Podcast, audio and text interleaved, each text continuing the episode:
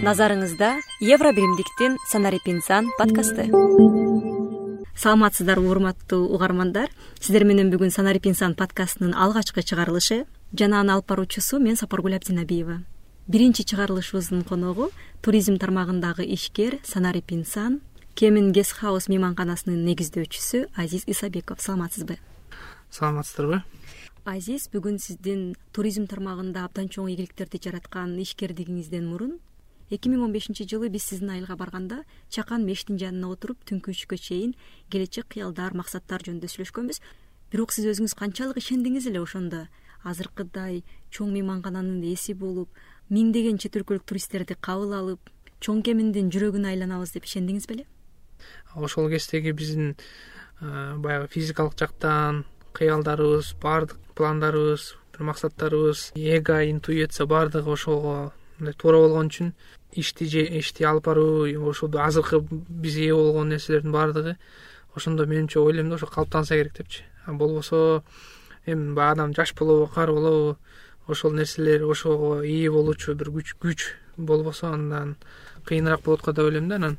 Бирок мен ишенем ар бир адам максаттарды эң биринчи кезекте кыялдарды максаттарды мындай аныктап туура аныктап алса анан мисалы мен мына мынарекин жасашым керек деп же тигини жасашым керек же тигини жасашым керек деп баягы ар бир адамдардын башка бир адамдардын максаттарын жеңил көрүп эле ошону максат кое берсе болбойт го деп ойлойм да. Менин оюмча ушу чакан болсо деле өзүнүн жеке өзүнүн ишке ашыра алган максаты болсо анда аны ишке ашырууда дагы жеңил болот. Жана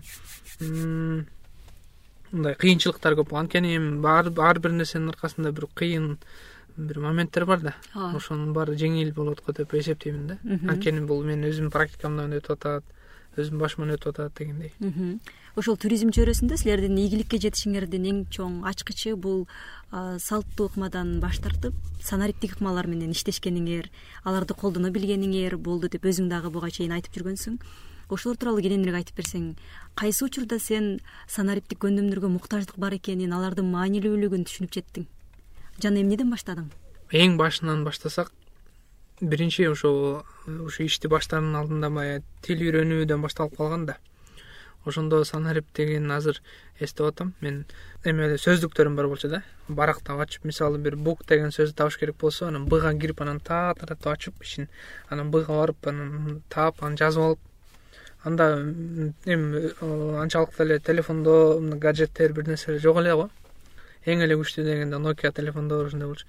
Анан жаман кыйын болот эле. Мен элестетчүмүн мунун баардыгын биз ушинтип кагаздап жүрө берсек качан жетебиз тиги биз кыялданып аткан турмушка депчи. Анан кудай баягы баягы жакшы биз бактылуу поколение муун экенбиз бат эле келип калды анын баары ошондо мен биринчилерден болуп эсимде баягы словарларды телефонго көчүрүп бир сөздү жазсаң бат эле которуп бергеничи ошондо башталган кызыктуу кызыктардын баардыгы андан кийин мен ошо кесибимди алмаштырып атам да мисалы ветеринардан туризмге ошондо мен интернеттен көп карачумун да. Кызыктуу өлкөлөрдү кызыктуу баягы саякатчылардын блогторун ошондо мен санарип а демек биз журналдардан жанагындай китептерден окубай да тез анан дайыма жаңыланып турган. Анткени китепти бирөө жазды ал балким он жылдан кийин биздин колубузга тийиши мүмкүн. Журналды бирөө жазды балким он беш жылдан кийин колубузга тийиши мүмкүн. Азыркы мисалы блогторду биз бир нече ай мурун даже азыр бирөө бир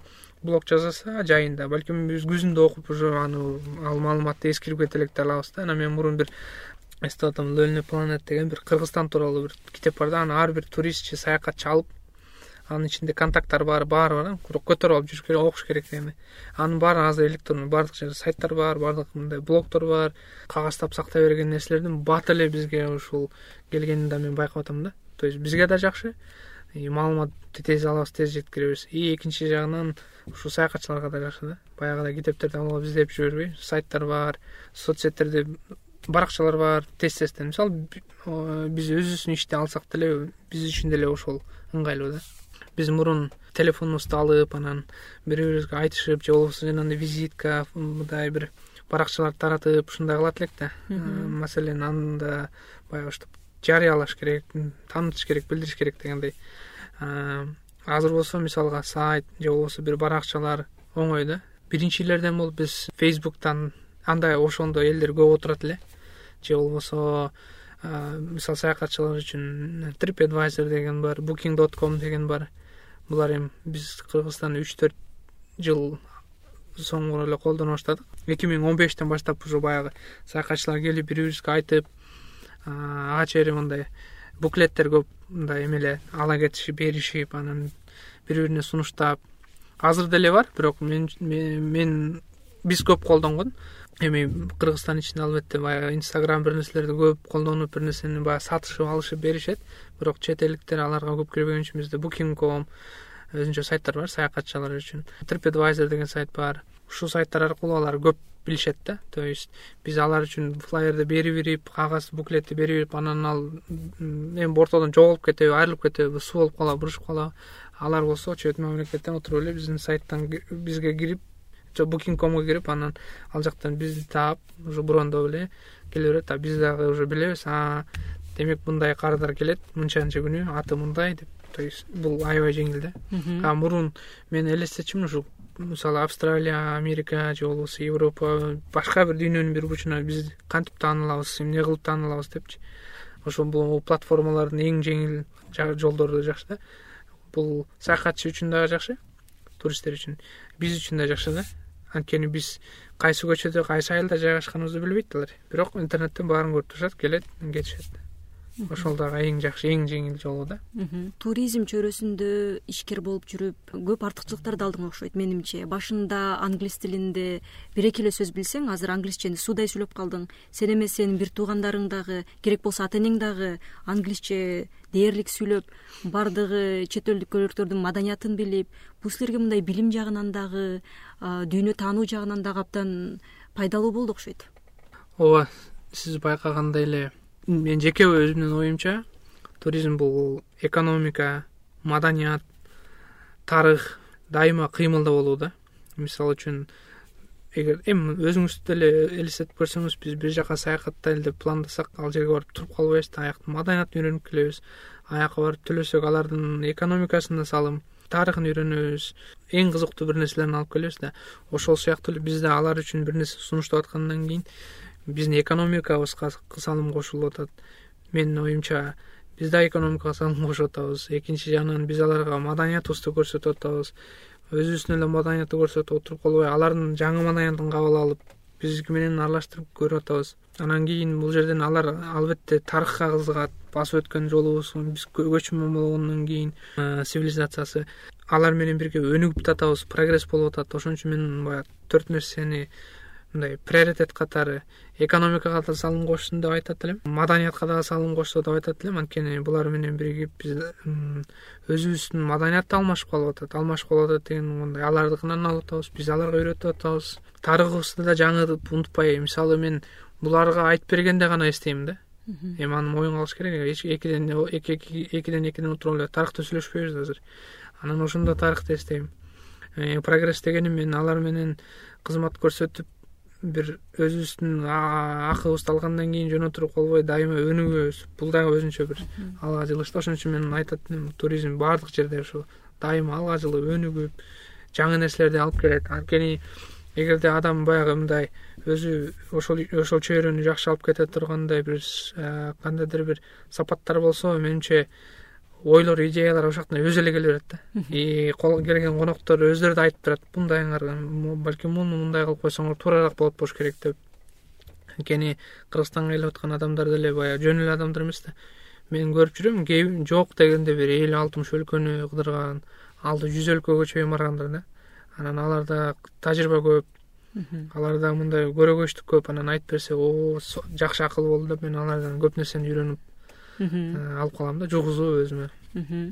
Азиз өзүң деле билесиң кыргызстандын туризм тармагында абдан потенциалы кенен азыркы учурда айрымдары бул тармакта кызмат көрсөткөн ишкер э алардын жалпысына ушул санариптик көндүмдөрдүн мааниси тууралуу жалпы эле ушунун мындай ойлор бар да. Мисалы азыр көп э, платформалар бар тил үйрөнсө биздин баягы биз тууралуу болуп аткандан кийин көптөгөн платформалар бар же болбосо онлайн курстар бар же башка да курстар бар. Ошол жактарга жазылып барып тил үйрөнүп эми баягы туризмдин байланышы бул тил да. Туризмди байланыштырган. Тил билсең ошолор менен кеңирирээк байланышасың жекеме жеке байланышасың дегендей ошол платформаларды менимче азыр издеп табыш өтө деле кыйын эмес да. Ар бир киши телефондон эле таап көрүп билип тез эле өздөштүрүп кетсе болот. Тем более биздин өзүбүздүн ушундай сапаттар болгон үчүн. Эми ошол ойлорум болсо мен мынтип айтат элем баягындай тик ток же фейсбук инстаграм бир нерселерди эле карасаң муну тигини карасаң деп эле бөлүшүп эле анан лайк басып эле комментарий жазып эле отура бербейм балким ошондон бир аз эле убакыттын көбүн ошол жака буруп тил үйрөнүп ар кандай платформаларга кирип мисалы мен ушул тармакта алектенип калсам эмнелер керек деп ошол ар кандай блогдор бар азыр кыргызстанга кандай деген күчтүү күчтүү бир кызыктуу блогерлер келген жок. Ошолордун э, маалыматы эмне тууралуу жазып атат ошонучу мындай анализ кылып менимче ошолордон баштаса анан акырын акырындан именно ошол э, тармакка эмнелер керек болсо азыр интернеттен чогултса аябай тез да идеялар да көп менимче ушуну сунуштамакмын. Бул башталгыч катары анан кийин уже баягы ошол именно ошол сферага кирип кетсе анда балким андан дагы уже баягы ошондо мынтип кеңеш катары айтса болот болуш керек деп. Азырынча ой катары ошол тууралуу деп эсептейм да. Рахмат азиз. Маегибиздин аягында дагы бир жолу тааныштыра кетейин. Сиздер менен бүгүн санарип инсан подкастында туризм тармагында ишкер кемин гест хаус мейманканасынын жетекчиси азиз исабеков болду подкастты мен сапаргүл абдинабиева алып бардым. Аман туруңуздар